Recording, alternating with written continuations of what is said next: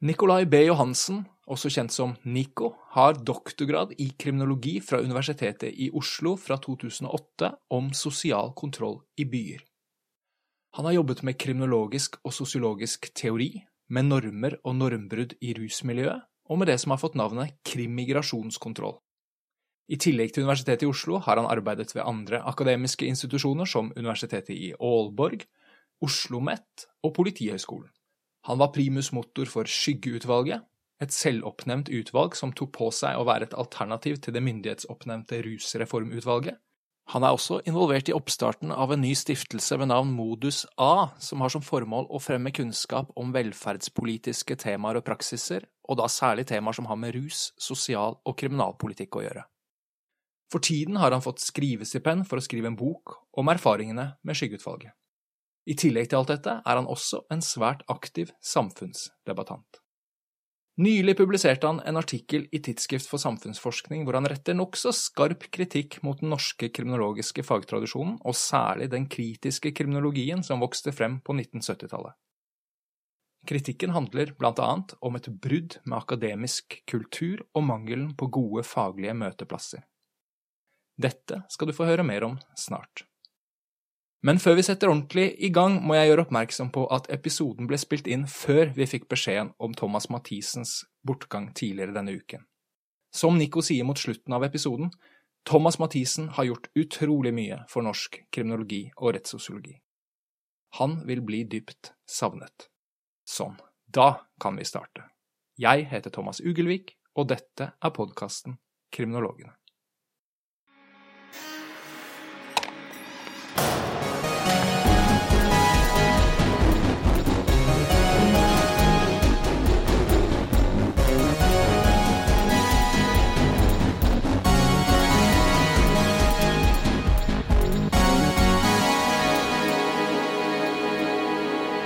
Nikolai Borchgrevik Johansen, velkommen til podkasten Kriminologene.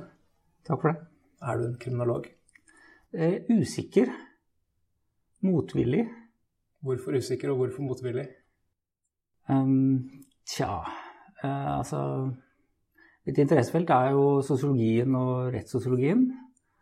Men uh, vi har jo drevet såpass mye med kriminologi at uh, det er på en måte um, Jeg har mye å melde der, syns jeg. Og så føler jeg meg ikke at jeg tilhører noe fagfellesskap som på en måte kan si at jeg, at jeg liksom er kriminolog. Altså, nei, det, jeg, jeg, mitt interesseområde er mye større, egentlig. Så når du svarer nølende, i, i det minste, mm. så er det fordi at det er ut av mangelen på et, et fellesskap da, av eh, likesinnede som har noe felles og gjør noe sammen. Er det sånn du tenker? Uh, men altså er jo tilfeldigheter som gjør at vi havner der vi gjør. Det gjelder sikkert deg også. Og jeg havna på kriminologi og ble hengende på det og tok en doktorgrad i kriminologi. Selv om den var veldig sosiologisk, så, så sånn sett så har jeg vel investerte veldig mye i kriminologien. Um, så, og var liksom en del av det miljøet en stund, og så ganske lenge. Og så Ja. Nå er jeg andre steder. Du er i hvert fall kriminolog nok til å bli invitert til podkasten. Ja, takk for det. Um, og grunnen til at jeg graver litt i det, er jo nettopp at et av hovedpoengene er jo å utforske ulike svar på det spørsmålet der. Oh, ja. Og jeg får hele tiden ulike svar på det spørsmålet. Okay. Noe handler om utdanningsbakgrunn, noe handler om identitet på en eller annen måte, noe handler om mm. uh, ja, selvforståelse, liksom. sant? Uh, og, og, og, du trekker opp på en måte et slags fagfellesskap som, som er viktig da, for å forstå. Mm. Um, hva kriminologi er, og hva en kriminolog er for noe. Ja. ja. Eh, men du har jo studert kriminologi, og du har doktorgraden i kriminologi. Um, så på den måten så er du jo udiskutabelt kriminolog, da. Um, kan du beskrive veien din inn i faget? Hvordan kom du til kriminologifaget? Nei, det var min mors skyld, egentlig. Det var vel i 1987. Og vi hadde vært på eh, kino og sett 'Ringenes herre' i den gamle versjonen der, på Rockefeller. Og så sa hun 'du skulle ikke studere kriminologi da, Nico'? Og så begynte jeg med det. Det var egentlig hele svaret på spørsmålet ditt. Så vi kan takke tolken, da. Det var vel mora mi som skal takkes, hvis noen i det hele tatt skal takkes for det. Ja, man må av og til gjøre som moren sin sier. Ja. Um, og da begynte du rett og slett uh, bare å da, da, søkte du deg til kriminologifaget, da? Ja, altså jeg søkte meg til kriminologien, og så kom inn. Det var vel ikke all verdens kunst den gangen, men uh, ja, så tok jeg grunnfag, mellomfag. Og så Den gang så skulle man jo ha flere støttefag, eller det heter vel ikke det da? Flere fag i en sånn kan-mag. Så jeg studerte sosialøkonomi. Og det var veldig interessant, i hvert fall deler av pensum. Så, det, det var så, så det, der strøyk jeg to ganger, faktisk. Så da måtte jeg ta filosofi isteden. Det var kjempegøy. Der tok jeg også et mellomfag. Og så ble det noe rettssosiologi. Så det ble en bachelor, eller hva det heter, kan-mag til slutt. Men du slutta ikke med det? Nei, nei, også en master, da. Om brudd på konkurranseloven. Altså, jeg kan godt fortelle masse om meg selv. Er det det vi skal? Uh, ja, det er delvis uh, en tanke å, ja. å, få liksom skildret ulike kriminologiske profesjonelle karrierer. Eller hva skal, hva skal, man si, ulike veier inn i faget, ulike måter å gjøre faget på, ulike måter å forstå faget på. Ja. Nei, men altså Jeg kommer fra antropolog, et antropologhjem. Jeg har nok tatt med meg ganske mye av det inn i verden, egentlig. Og så var jeg jo eh, ung og kommunist på 80-tallet. Eh, det tok jeg også med inn. Eh, kom ut gradvis eh, slepet med på den ene og den andre kanten. Eh, og så tok jeg en master da i, i, i eller hovedfag da, om brudd på konkurranseloven. Og det var motivert eh, av eh, et ønske om å forstå, altså, forstå økonomi bedre. Så Det var jo derfor jeg også strøyk på de der um, Det var jo fordi det var bare deler av pensum som var interessant. Så, det, så, det, var liksom veldig den der unge kommunisten da, som på en måte drev og orienterte seg i hva kriminologien hadde av muligheter for, for å utforske ting. Og dette med brudd på konkurranseloven, det handlet jo om at konkurranse på den tiden Altså dette var jo 80-tallet, og det var eh, eh, Konkurranseutsetting var et sånt begrep som var i den politiske, eh, på den politiske dagsordenen. Så jeg var interessert i å forstå det fenomenet. Konkurranse. Altså, og da med det kriminologiske utgangspunktet, som på en måte var blitt min, min base. da mer eller mindre tilfeldig. Burde vel ha studert sosiologi, tenker jeg. Men så da måtte jeg krangle en del med veilederen min den gangen, Per Larsson, som mente at det jeg drev med, ikke var kriminologi. Um, så um, Men eh, jeg prøvde jo da å si at men hør, de store klassikerne i kriminologien er jo Edwin Sutherland. Og hans store verk 'White Color Crime' er jo det er i hvert fall to femtedeler basert på brudd på konkurranseloven. Eh, sånn at eh, jeg følte at jeg var innafor. Men jeg hadde jo mye mer sosiologisk vinkling på det enn det Søderland hadde. Så kanskje Paul Larsson hadde rett der. Det skal ikke jeg si. Det skal ikke jeg stille meg til dommer over. Vi har, ikke, vi har ikke diskutert det siden.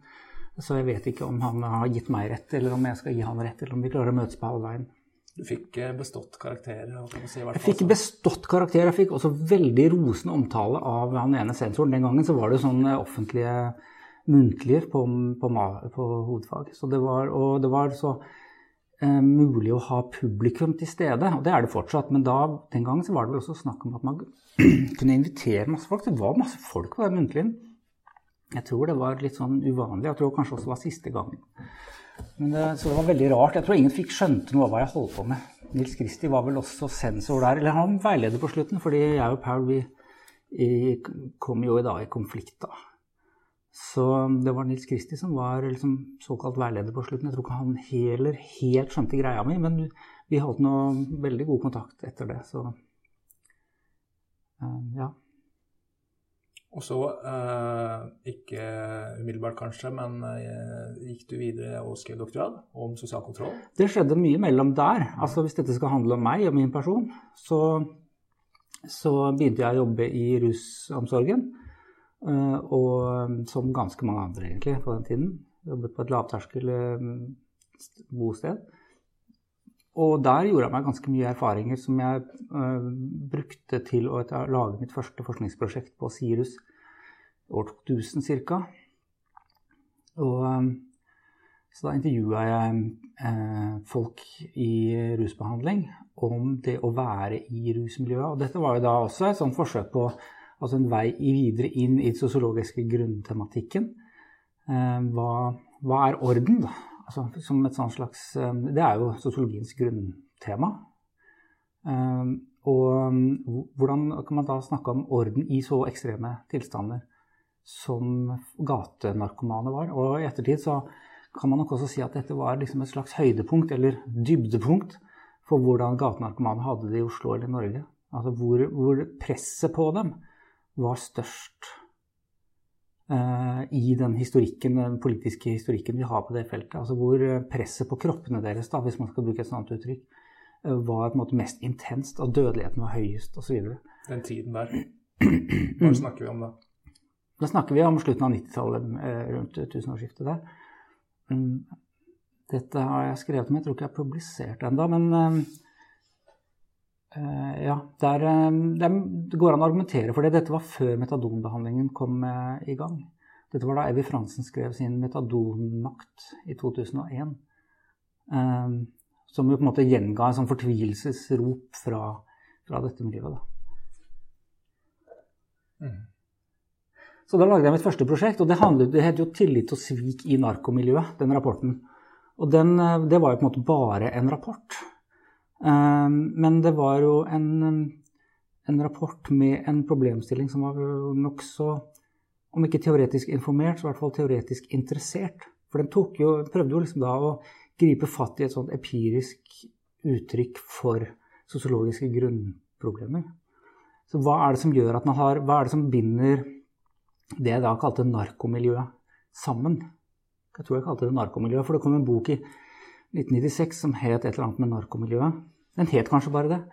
Uh, disse Stavanger-antropologene, Smith Solbakken og Else Tungland og Tor Clausen, uh, som, uh, som, brukte det ordet. Så jeg brukte det også i tittelen. Men det var også um, Her er det flere temaer som fletter seg sammen. fordi den rapporten min kom vel i 2002, men den da handlet jo da om disse grunntemaene. Altså hva er det som skjer her? Dette var jo fangens dilemma konkret. Dette var fanger. Selv om det ikke var i en fengselssituasjon, så var det en sånn spillteoretisk eh, eh, overførbar situasjon. Da. Folk som sto der i eh, under veldig hardt press kroppslig sett, altså, eh, og en veldig vanskelig situasjon. Eh, lenge siden jeg snakket om dette. Men det var jo også et, hele tiden et spørsmål om tillit og svik. Altså den heter tillit og svik. Altså hva, eh, for at et miljø skal bestå over tid, så må det være tillit der. Hva er det som gjør at den tilliten består da, i dette miljøet? Hva er det som gjør at enkle transaksjoner er mulig, f.eks.? Og det jeg fant, var jo at eh, svært, selv enkle transaksjoner var veldig sårbare. Ragnar Hauge leste den rapporten en gang og sa han jeg skrev 'sårbar' hver eneste side. Jeg er så lei av å lese ordet 'sårbar', men det var jo selve det analytiske nøkkelbegrepet mitt. Så, så Ragnar, jeg syns du var litt urettferdig der. Men eh, likevel. Um, altså selv enkle, altså sånne situasjoner som du og jeg ville på en måte tatt for gitt, um, ble sårbare situasjoner. Jeg har noen merkelige eksempler på det, som f.eks. Ja, uh, i den rapporten. Da. Jeg bør ikke gå på eksemplene. fordi at um, men, men, det ble også et spørsmål om hvordan håndterer man den type diskusjoner. For det ble jo virvlet inn i sånne kriminologiske store diskusjoner, også andre. Jeg husker jeg viste manuset mitt før det var ferdig, til Nils Kristi. Og så, sa han at, eh, så spurte jeg hva er egentlig konklusjonen på dette. Og så sa han hm, ja, det må jeg tenke litt på. Så tenkte han veldig kort, og så sa han nei, det er tillit. Det er, um, dette er vanlig. Dette er vanlig.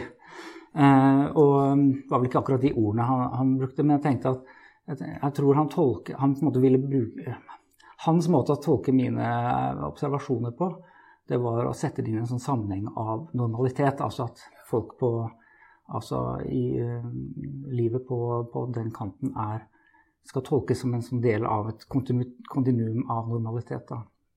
Som jo var Kristis impuls, kan man si, og en del av hans langsiktige Eller sånn den lange linjen i hans forfatterskap.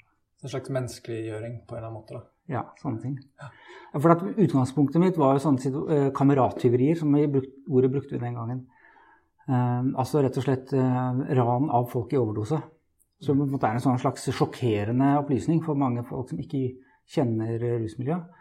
At hvis du da ja, hvis du havner i overdose, så hvis du våkner igjen, og det gjør man jo de fleste gangene, så våkner man uten penger og dop og verdigjenstander. Så da er man på en måte helt på bar bakke.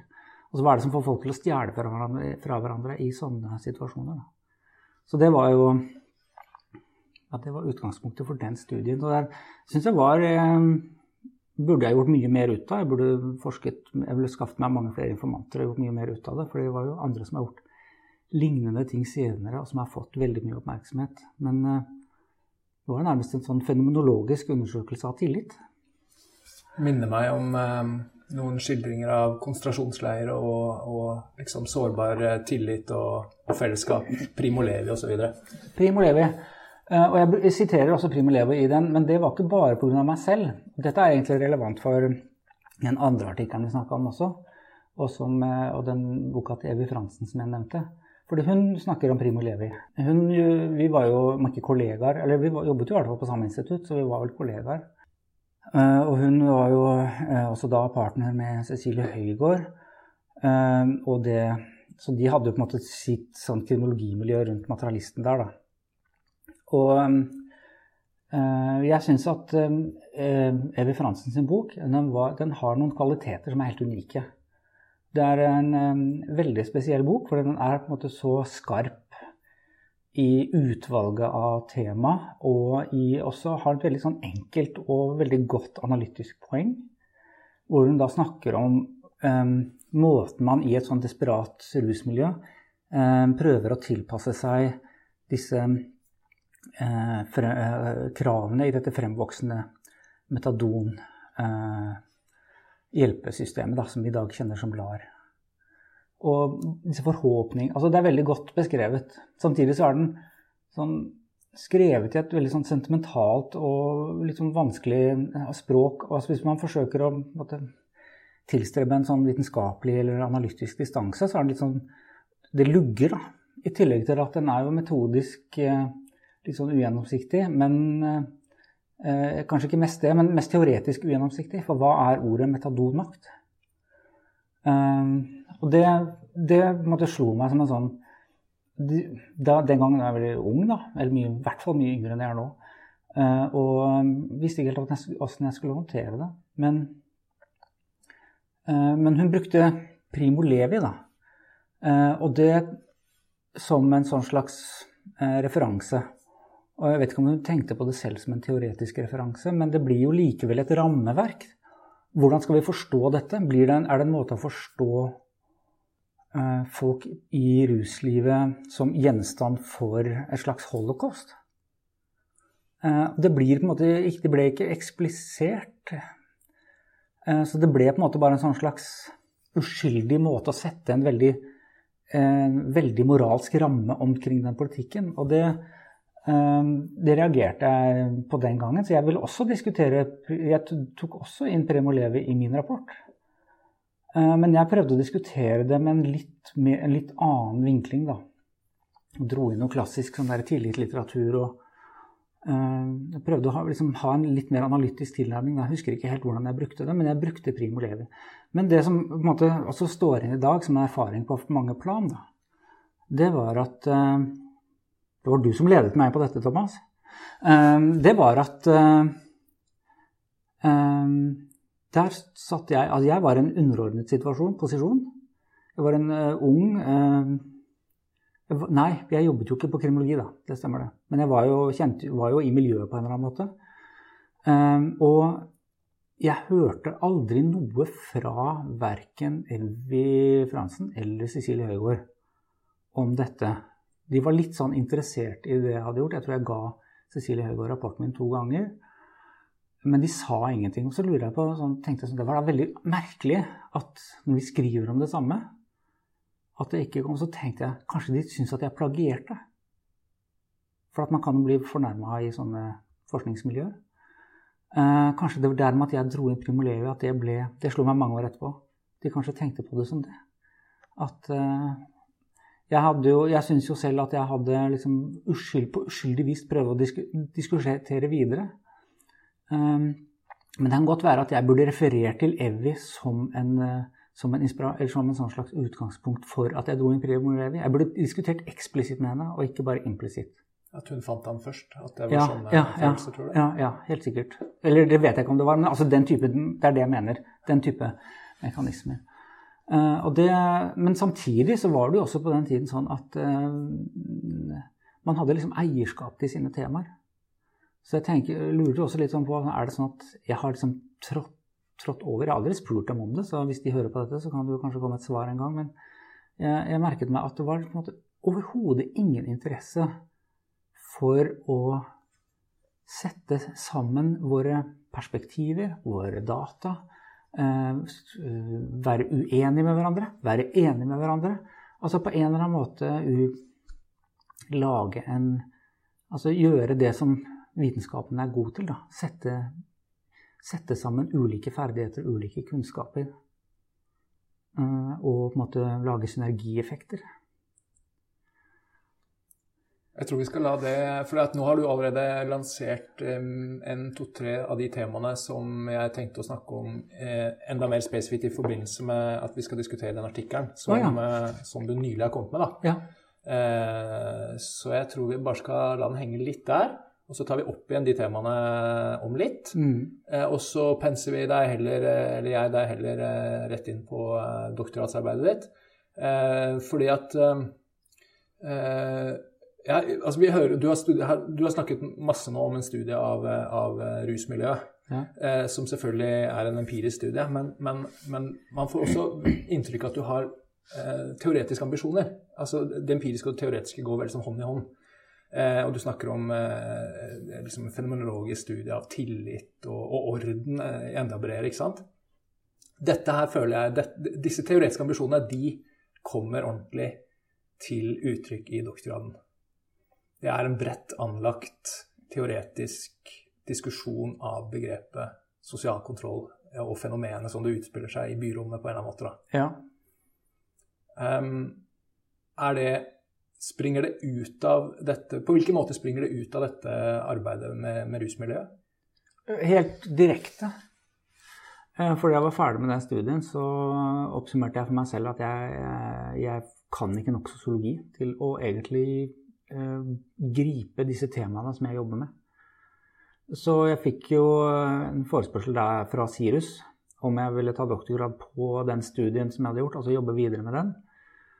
Eh, det var riktignok en uformell henvendelse, men det var jo fra forskningslederen der, så jeg regner med at det var litt sånn tyngde i det. Eh, og da sa jeg rett og slett nei takk, fordi jeg ville søke doktorgrad på kriminologi for å skrive om sosial kontroll. Og det var i den forbindelse, den søknadsprosessen, at den eh, omtalte Ragnar Hauge da, hadde lest rapporten da, og kom med, med sin eh, litt humoristiske mm, kommentar. Om sårbarhet. Om sårbarhet. Ja, men det, så den sprang helt konkret uh, ut av det. og sånn at tematikk, det arbeidet der, det levde jo sitt eget liv. Og hva skal jeg si, det har jo også ganske mange dimensjoner. For at Eh, hvis jeg skal si mer om det. For det skulle også på en måte bygge videre på, på den um, På en sånn slags kritikk av Nils Kristis sosiologi, da. Som var en sånn slags hodepine for meg. For det at uh, jeg hadde jo blitt kjent med, med han, og hans, den boka hadde um, hvor dette et samfunn var en sånn slags Det var jo min døråpner i sosiologien. Altså, eh, jeg kom til kriminologi som 20-åring eh, eller noe, og, og um, det var Det fanget virkelig interessen min. Måten, altså det, det, hvor tett et samfunn Hvordan man kunne begripe samfunnsutvikling med enkle begreper fra sosiologien. Eh, men så var det et eller annet som ikke stemte der for meg. For jeg fikk det antakeligvis så altså, Jeg må jo eh, benytte anledningen igjen til å snakke om moren min, da, siden hun allerede har, har vært med her.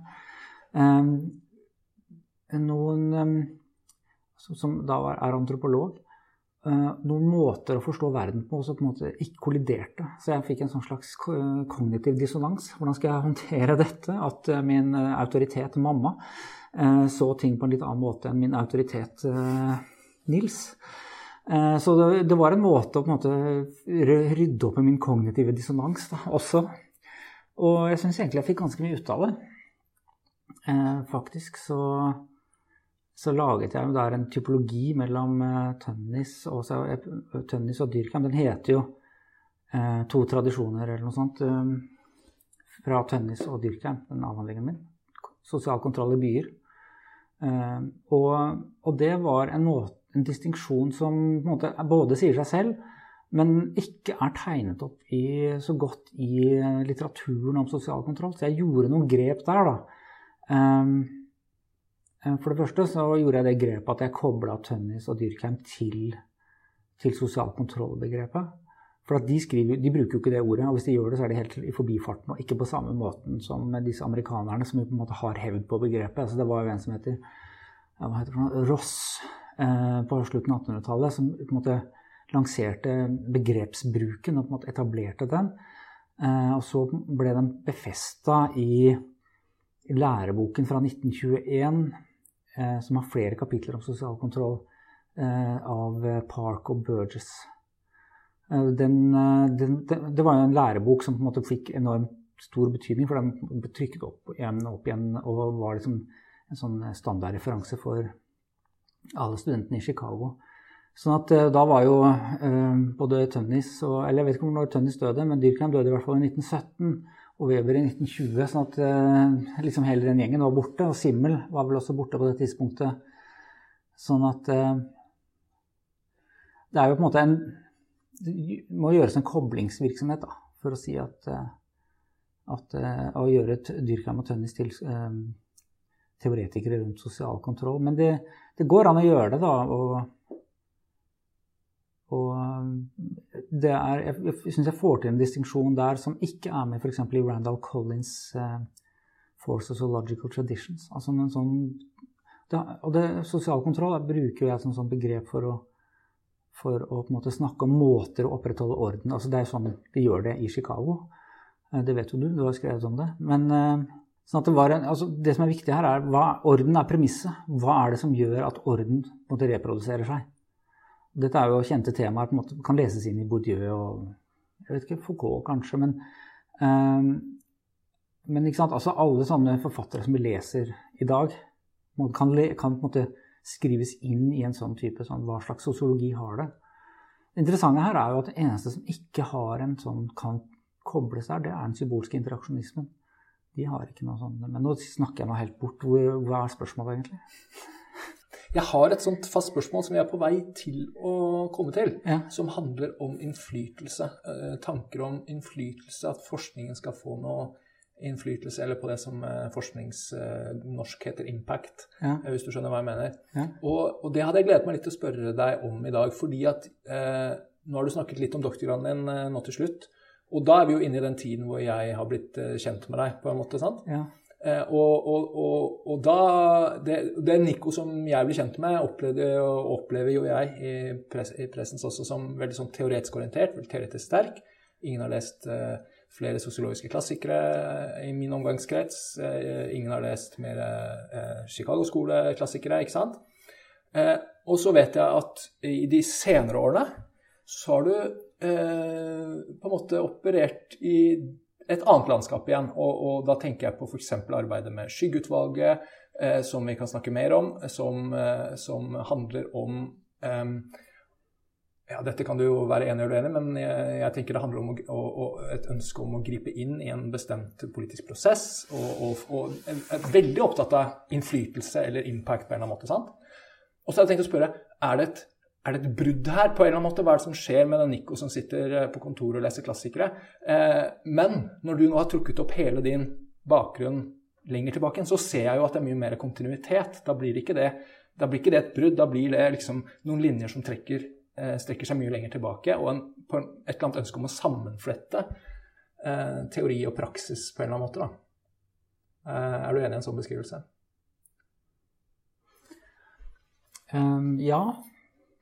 Det er nok en kontinuitet der som du ikke har sett, men ja, hvis du hadde spurt, så skulle jeg fortalt om den. Ja, da gjør jeg det. ja. um, nei, men jeg ser at det kan altså hvis, er, hvis, jeg hadde vært kjendis, så hadde det kanskje vært en, en slags noen som noen hadde lurt litt på. Jeg tenker jo um, Hva skal jeg si um, Jeg hadde et godt forhold til Nils. På mange, litt sånn off and on. Nils Kristi, altså. Og på et tidspunkt så sa han at han så på meg som en sånn slags arvtaker. Det er vel kanskje litt sånn rart å si, men jeg kjenner på den, det ansvaret. Spesielt på rusfeltet, for der var vi på en måte litt sånn forent. Og han har ikke bare sagt det til meg, altså. Men, men Ja. Jeg, og spesielt siden jeg har et sånt veldig ambivalent, eller hva skal man si, et litt sånn horn i siden til den kritiske tradisjonen, så kan det kanskje i særlig grad framstå som sånn paradoksalt, nærmest, at jeg på en måte velger å gå inn i en sånt aksjonsforskningsprosjekt.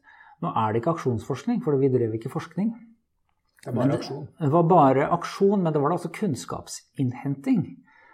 Så for meg så, som er, har en sånn slags et handikap når det gjelder å skrive søknader, som ikke på en måte klarer å finne meg til rette verken i å skrive internasjonale tidsskrifter eller å skrive i søknadsverden, så,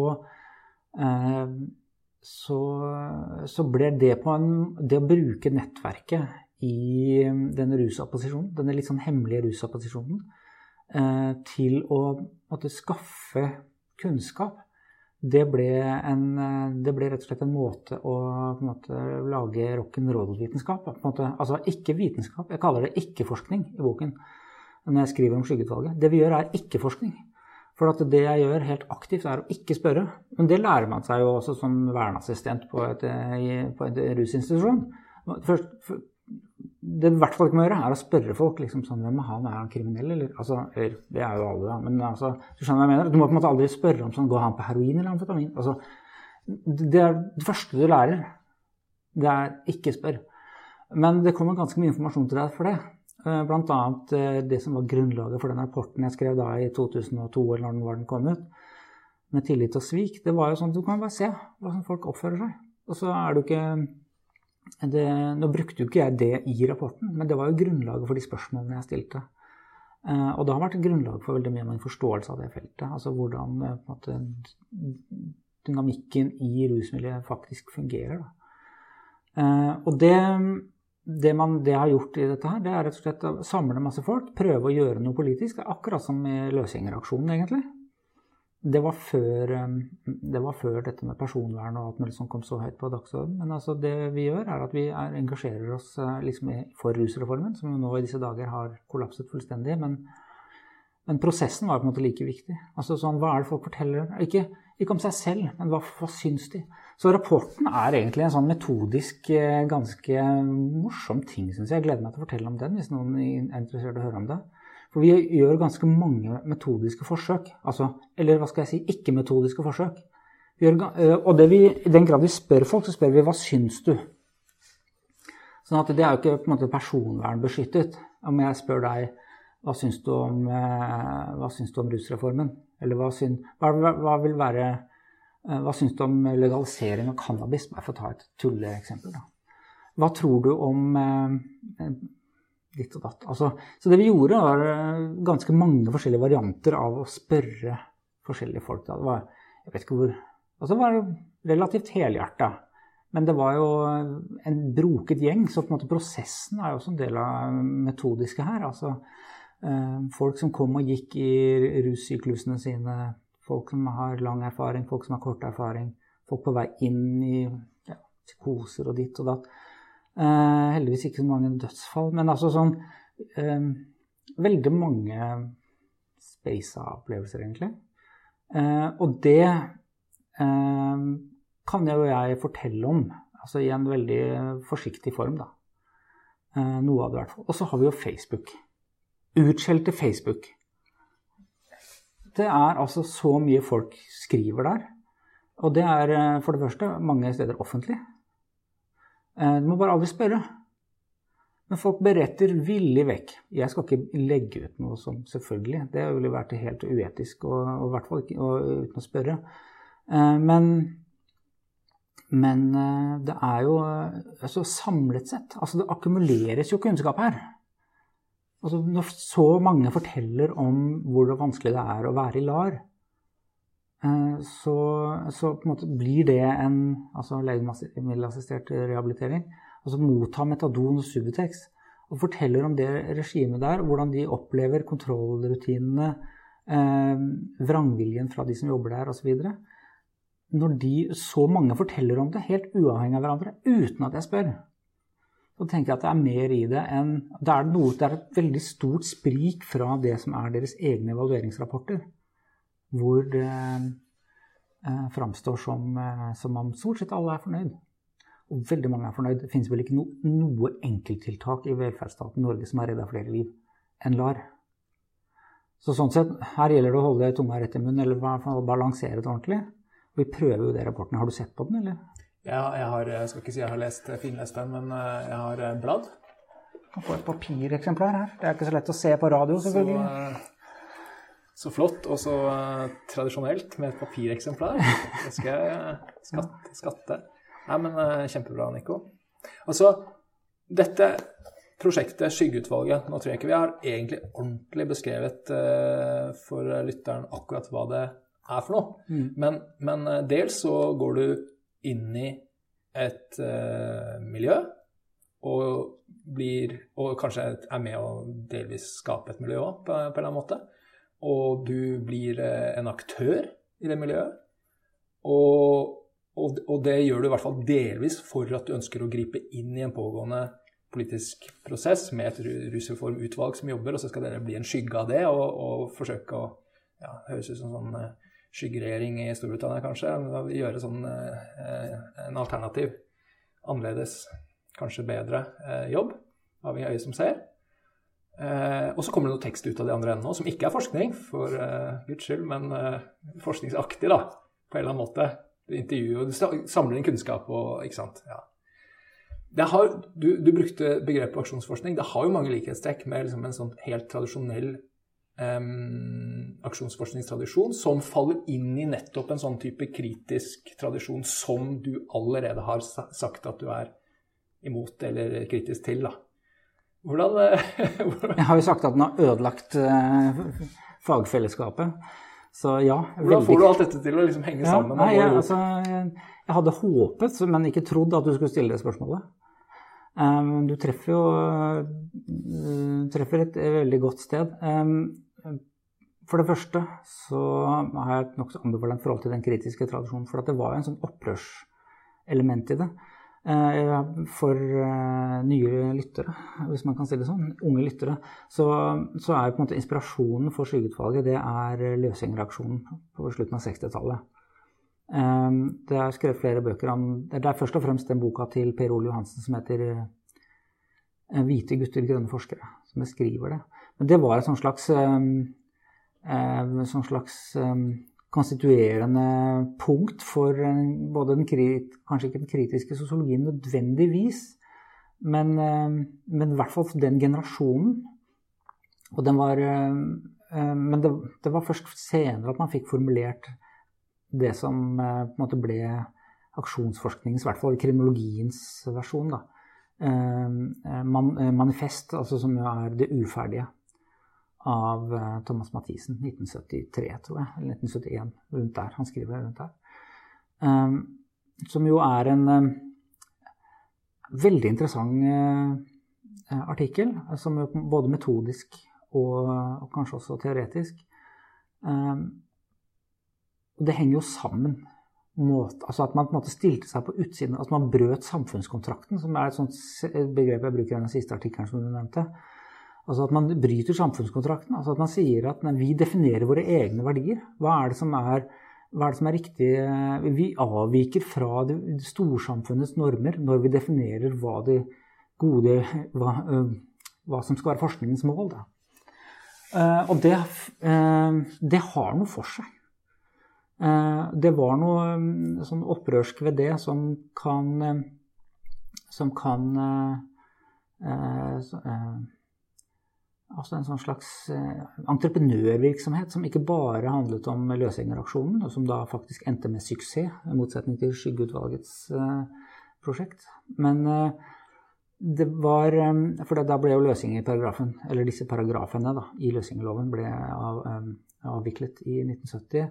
Men så kommer Krum, da, som Thomas Mathisen har skrevet om i, opp og ned i, i, i mange bøker. Og hva kan man si? Christian Andenes sin avhandling om, som tar utgangspunkt i denne her, um, fattigdomsaksjonen hva heter den, i Oslo på 80-tallet. Altså, det er jo flere, JURK og JUS, JUSBUS er jo på en måte også sånn opposisjons... Eh, eh, måte resultater av en sånn slags opposisjonsvitenskap, da, som Rune Slagstad kalte det. Det som er dilemmaet som dukker opp, det er jo eh, om man klarer å gjøre dette uten å måtte bryte med Altså, altså bryte med samfunnsvitenskapens eh, fundament, da. Eh, tenker jeg. For jeg tenker, eh, altså, så, Vi har et nokså liberalt demokrati hvor det er plass til å på en måte, ta seg litt til rette. Eh, det er, men det er veldig dumt hvis man på en måte definerer seg helt vekk fra det samfunnsvitenskapelige fellesskapet. Og det gjorde de. altså de lagde, Den kritiske sosiologien gikk i den retningen at det, ble, at det politiske kom først. Eh, at man ble på en måte en sviker hvis man på en måte ikke delte disse tingene. Så Derfor så kunne man på si, eh, festivalen holdt jeg på å si, på disse konferansene til European Group for the Study of Something and Social Control, tror jeg. Der kunne man jo hm? Deviance and social control. Ja, der kunne man, der kunne man f.eks. se folk stille seg på talerstolen og si at nei, vi må, vi må aksjonere mer. Altså det, var det et politisk fellesskap, eller var det et faglig fellesskap? Ja, det var folk med faglige forbindelseslinjer, men det var, konklusjonen var eh, eh, definert om du var med eller ikke med, da, for å si det sånn. Eh, og det var sånn har det jeg opplevd i mange andre sammenhenger, og med bøker gå i detaljer på det. Men da er vi egentlig langt inne i diskusjonen eller samtalen om denne artikkelen. eh, som du nylig har publisert, som heter 'Bruddet med samfunnskontrakten om forskjellen mellom gullalderen og den kritiske tradisjonen innenfor kriminologi og rettssosiologi', som er publisert i Tidsskrift for samfunnsforskning. Ja. Um, så da tenker jeg vi kanskje kan rett og slett gå litt uh, mer konkret og i dybden uh, inn i den, da. Det kan vi godt. Um, du har en sånn rammefortelling på en måte som, som innrammer argumentet med at du begynner og slutter med Gunnar Åkvåg. Ja. Eh, eh, og, og, hans beskrivelse av på en måte utviklingsfaser i norsk sosiologi. Ja. Eh, og så er du, eh, om du er kritisk til hans beskrivelse Du mener i hvert fall at den, du mener i hvert fall at den ikke gjelder for norsk kriminologi og rettssosiologi på samme måte. Fordi at det han eh, beskriver, er en sånn kontinuitet fra den første generasjonen av eh, i ordentlige sosiologer, eller gullaldersosiologene, og videre inn i den kritiske tradisjonen som vokste, opp, vokste frem på 70-tallet 70 og, og deretter.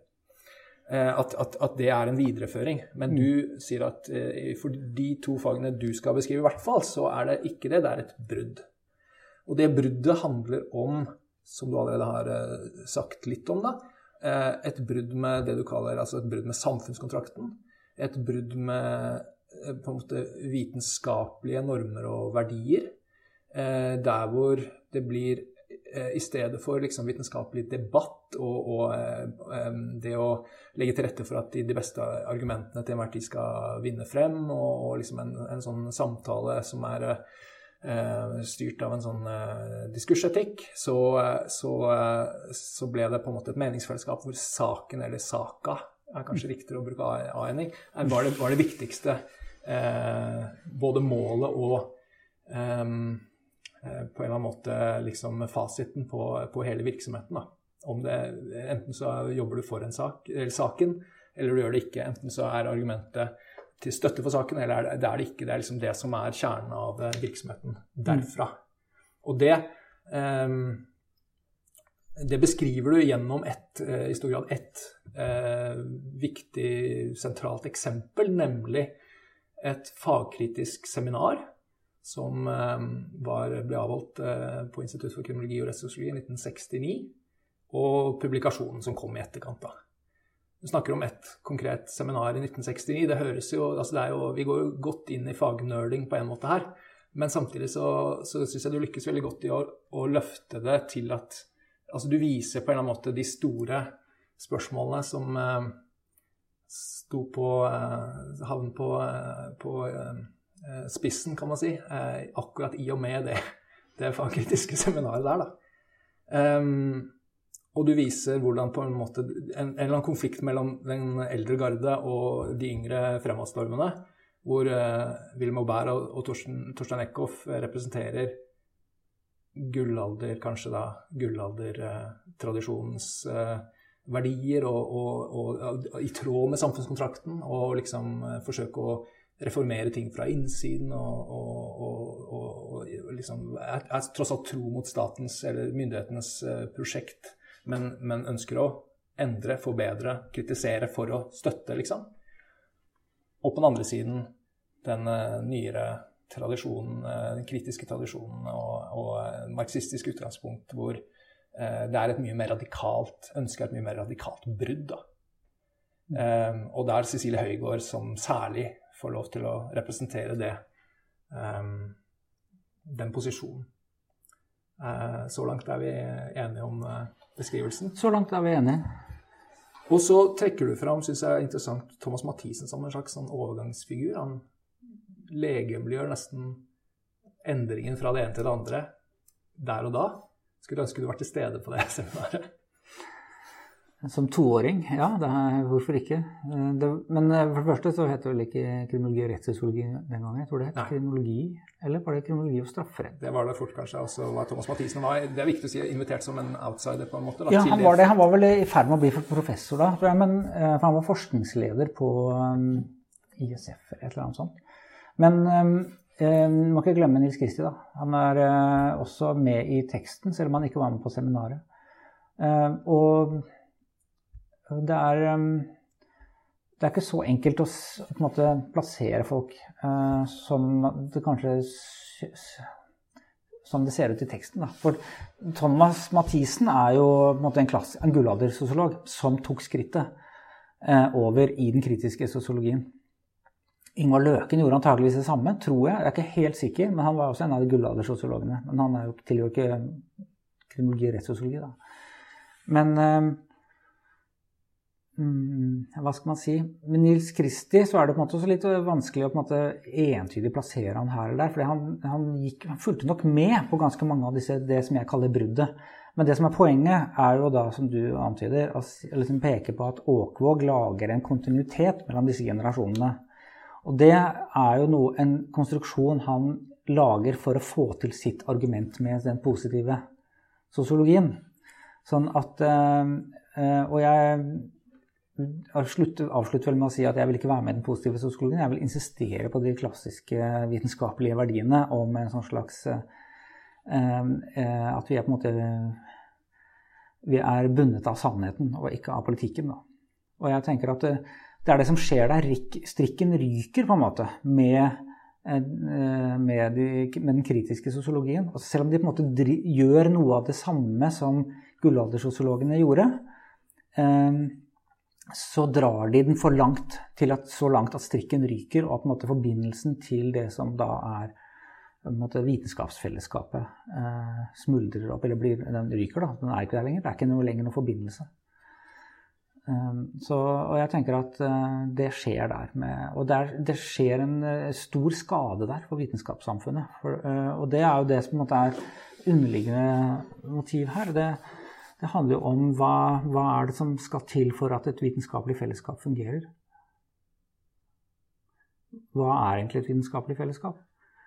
Uh, og det var jo det jeg mangla selv da jeg var på kriminologi og rettssosiologi. Apropos, nå går denne samtalen tilbake til noe av utgangspunktet. Og også, også teoretisk sett, faktisk. Fordi um, vi, må, vi, er sikkert enige om at for at noe skal være altså en vitenskap, så må det være mer enn én person. Altså Det fins genier som oppdager ting for seg selv, men da er det jo ikke en vitenskap, da er det jo noe annet.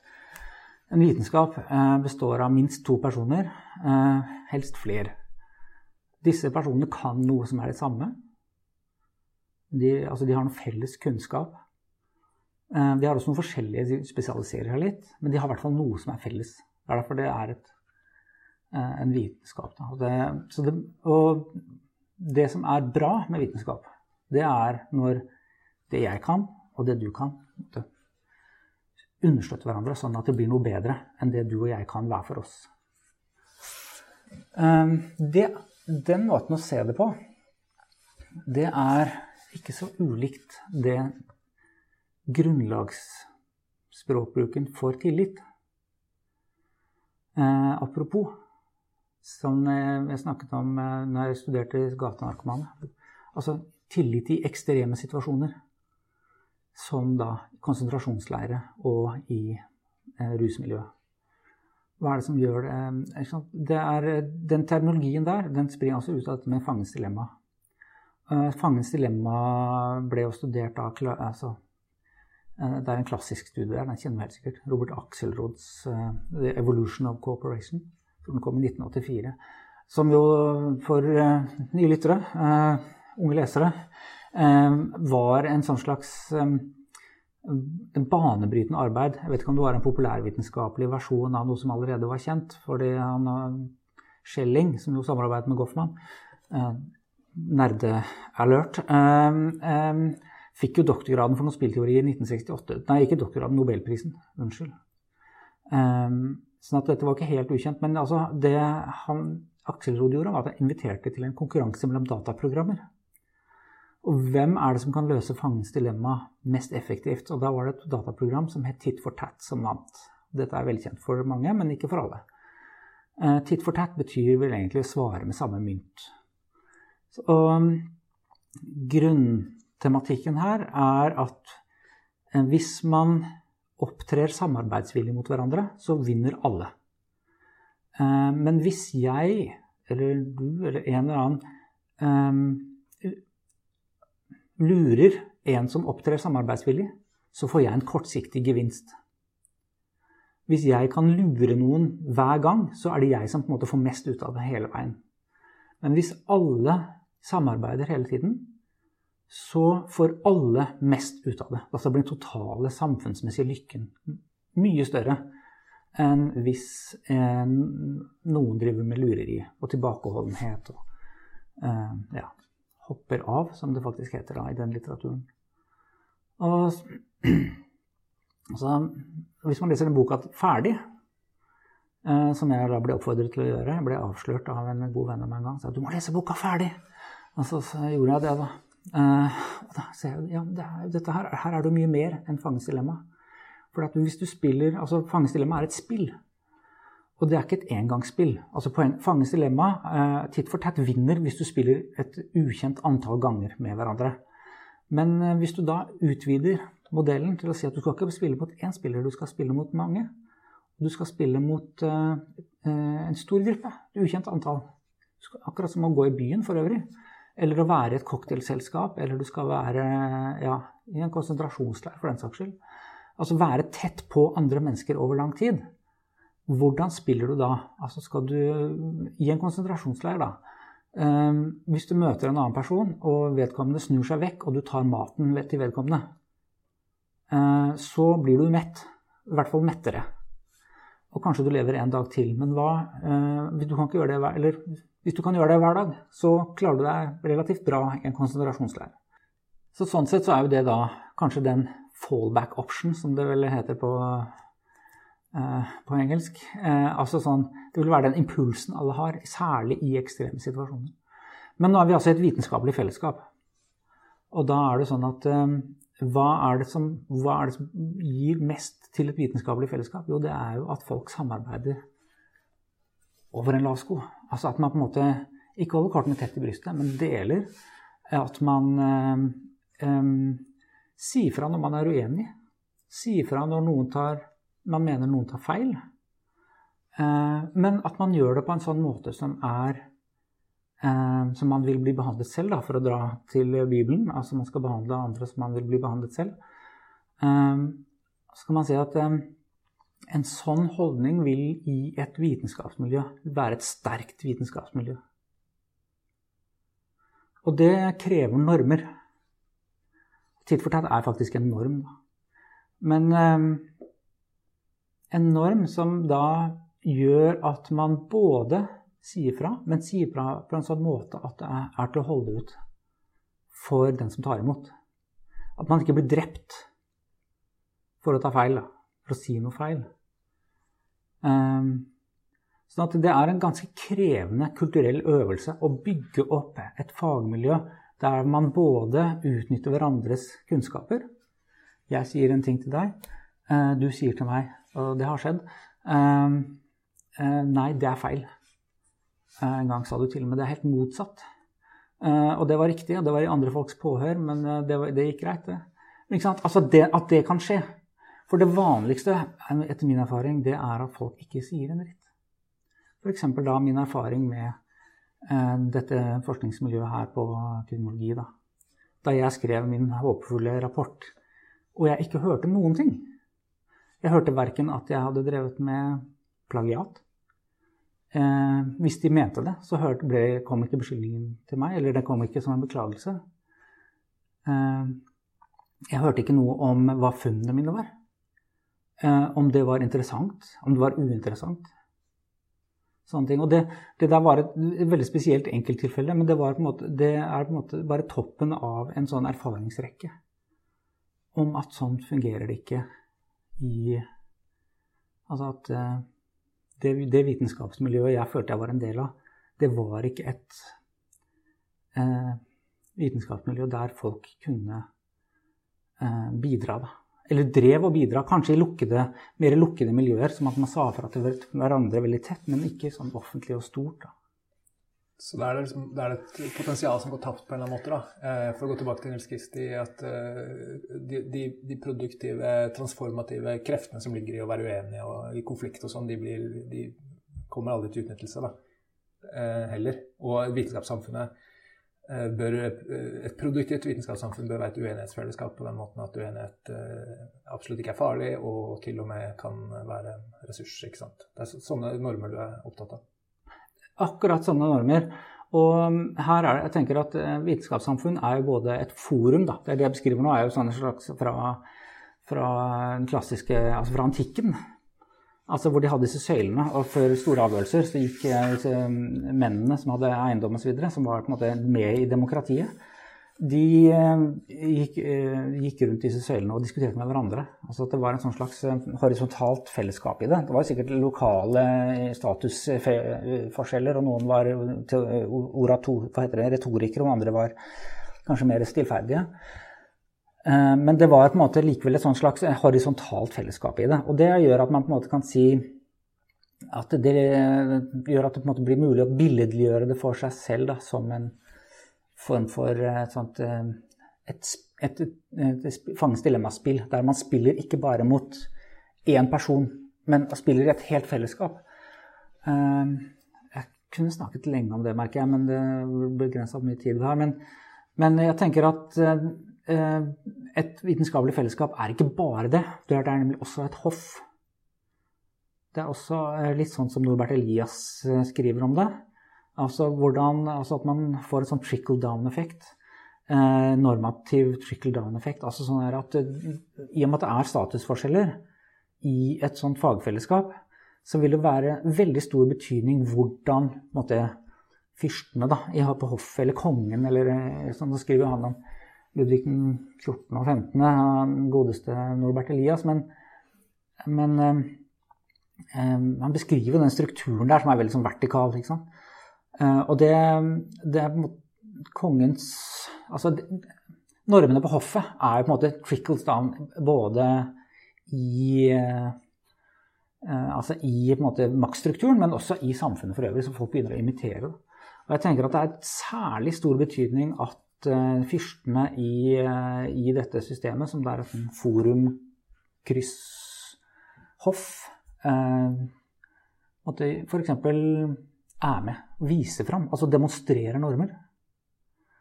Uh, og tenker på sånt som Du må ikke misforstå, jeg tror jeg har skrevet i teksten at Thomas Mathisen har gjort enormt mye for kriminologi og rettssosiologi.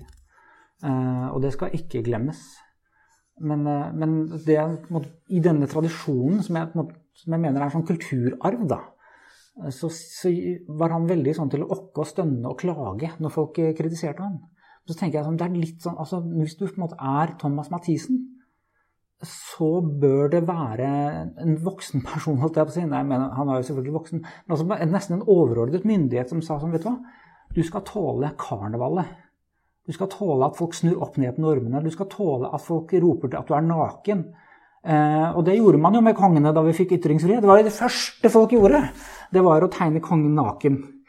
Eh, og det, måte, det, det, hører, det gjelder jo deg nå, Thomas. Nå har du kommet til den posisjonen. Du skal tåle at jeg står og peker på deg og sier du er naken. Eh, og det, måte, det, tenker jeg er en veldig viktig element i en vitenskapskultur. At du tåler det, selv om du ikke er naken. Mm. Sånn at, eh, og da er vi på vei liksom, eh, frem til uh, situasjonen i dag. Da, for du, I artikkelen så skriver du selvfølgelig du skriver mye om et seminar i 1969. Ja. Og, du skriver, og nå har du snakket litt om erfaringer som du selv gjorde 20 år senere, når du skrev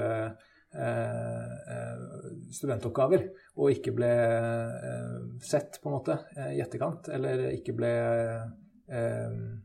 kritisert, er det du egentlig ønsket deg, kanskje, til og med? Eh, du fikk ikke det, det, det, falt ikke ned eh, i eh, Ja, nå var det ikke studentoppgaven jeg snakker om, nå snakker jeg, beklager, nå roter jeg, men jeg snakker om den herre eh, rapporten din. Er det, ja, ja, ja. Er det erfaringen rundt det jeg, jeg snakker om nå? Mm. Um, at, at den, den, den, den, ble ignorert på en eller annen måte, da. Uh, ikke sant? Ja. Og, og, og, hvis vi skal trekke Og så, og så har du, du har noen formuleringer i artikkelen som på en måte trekker eh, trekker eh, trådene helt frem til i dag, egentlig. Men de er, der er du noe mer eh, antydende eller, ja. eller, eh, vag. Men du sier at dette på en eller annen måte eh, gjør seg gjeldende. Det, det er spor som fins fremdeles en dag i dag. Det gjør seg gjeldende dag i dag, osv. Um, eh, hvis vi skal gå til dagen i dag, da, og så tenker hva, hva er, Hvilken kriminologi er det du er opptatt av å snakke om i artikkelen? Det, det, er jo Institutt for kriminologi som senere ble Institutt for kriminologi og rettssosiologi. på en måte. Det er jo den institusjonaliserte akademiske kriminologien på Universitetet i Oslo basically det handler om, i stor grad.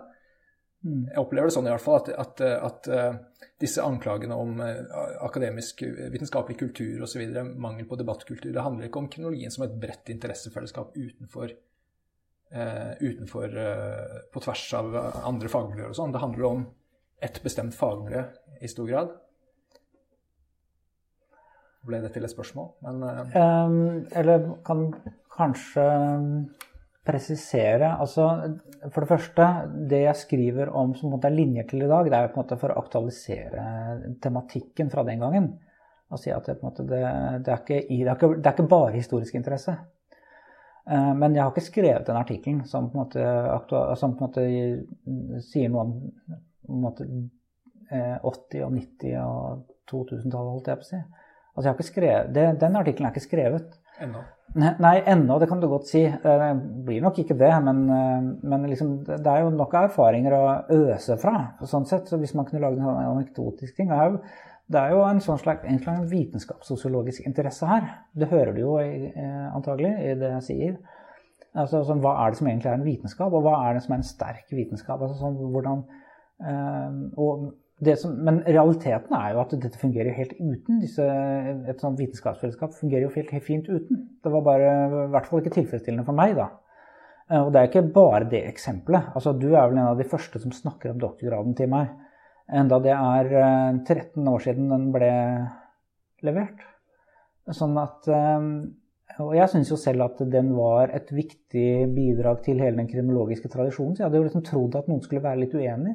Eh, både Thomas Mathisen og Nils Kristi var jo faktisk uenig på disputasen. Tok ordet eks-auditoriet. Eh, og det skulle vi tatt opp. Sørgelig at ikke jeg husker akkurat hva de sa. Jeg husker litt, da, heldigvis. Men uansett, altså, det har vært Jeg syns jo selv det var på en måte et innspill til en debatt som aldri ble noe av. Så skrev jeg jo den boka noen år etterpå Som også var et sånn innspill på en forsøk på å spille inn en bok som heter 'Nyliberal i ansikt'. Veldig dårlig tittel. Jeg skulle hørt på Heidi Lomel som sa 'Kall den straff i frihetens tid'. Bytt på undertittel og hovedtittel. Men det var i hvert fall det den het, da. Den har også ganske mange innspill til den pågående kriminologiske litteraturen som aldri har blitt fanget opp. Altså, nærmest står igjen nærmest klør meg i huet. Hva var det som skjedde? Eh, det ble kanskje kamuflert i altfor mye tekst. Men jeg følte selv at det var eh, innspill til f.eks. måten vi forstår Garland på, da. som jo er en nøkkelforfatter i kriminologien. Det har i hvert fall vært en som har fulgt meg opp igjennom. En veldig interessant, mye mer interessant forfatter enn man kanskje skulle tro hvis man bare leste 'Culture of Control'. da. Men, men, hvis vi tilbake til den siste artikkelen, hvis, hvis, hvis, vi nå skal um, lese den i dag, da For det, det, er jo dag den er publisert, holdt jeg på å si, nylig. ja. uh, og vi skal lese den som en oppfordring, et innspill. Hvis vi gjør det her, ja. altså nå snakker vi om vi konkret, vi på, i, i, KRS. Ja. Hva slags uh, innspill skal vi lese det som? Uh, oppfordring til å være, dyrk, lage plattformer hvor, er, hvor dere er bevisst på hva slags normer dere signaliserer. For jeg tenker, Hvis vi holder oss til denne spillmetaforen da, altså Alle spiller mot alle i forumet. da, eh, eller et spill, altså, um, Alle spiller mot alle litt. Ikke alle snakker med alle, men alle snakker med noen som snakker med noen som til slutt snakker med alle. Så det er et sånt fellesskap. Og det å være oppmerksom på at hver gang eh, man gjør sånn som Goffman eh, er så flink til å si, altså man både sier noe substansielt samtidig som man bærer normer. Altså måten jeg sier ting på, er eh, normbærende. Eh, altså at man avgir kommunikasjon samtidig som man kommuniserer substansielt. Da. Og jeg tenker at eh, det det ville vært altså Hvis jeg var i deres posisjon, så ville jeg på en måte dyrka det. For det første plattformer eh, hvor man i det hele tatt møtes, eller et forum, da.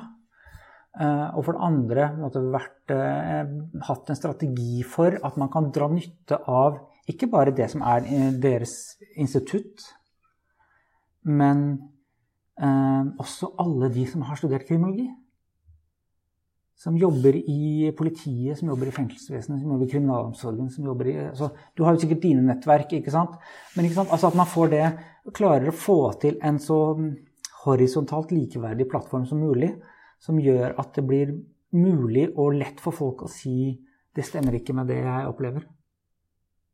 Altså at, Erfaringsmessig så vil det jo være ganske høy terskel for unge folk f.eks. å si noe.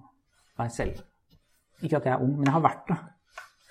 Uh, ikke sant? Jeg sa jo ingenting den gangen med den episoden som vi nå har snakket om flere ganger. Jeg burde gjort det. Sånn at um, fra liksom, autoritativt hold altså, måtte jeg jobbe for å få Det ville vært mitt uh, budskap til dere. Hvis jeg skulle hatt et normativt budskap. Kunne jeg hatt, egentlig. Men jeg satte meg egentlig ikke den rollen. Men kanskje vi skal lese det sånn likevel, da. Ehm, jeg tror det er et fint sted å begynne å, eller avslutte samtalen. Tusen takk for at du eh, ikke hadde problemer med å ta ordet i dag, i hvert fall. Og tusen takk for at du tok tid til å være med i podkasten, Nico. Takk for invitasjonen.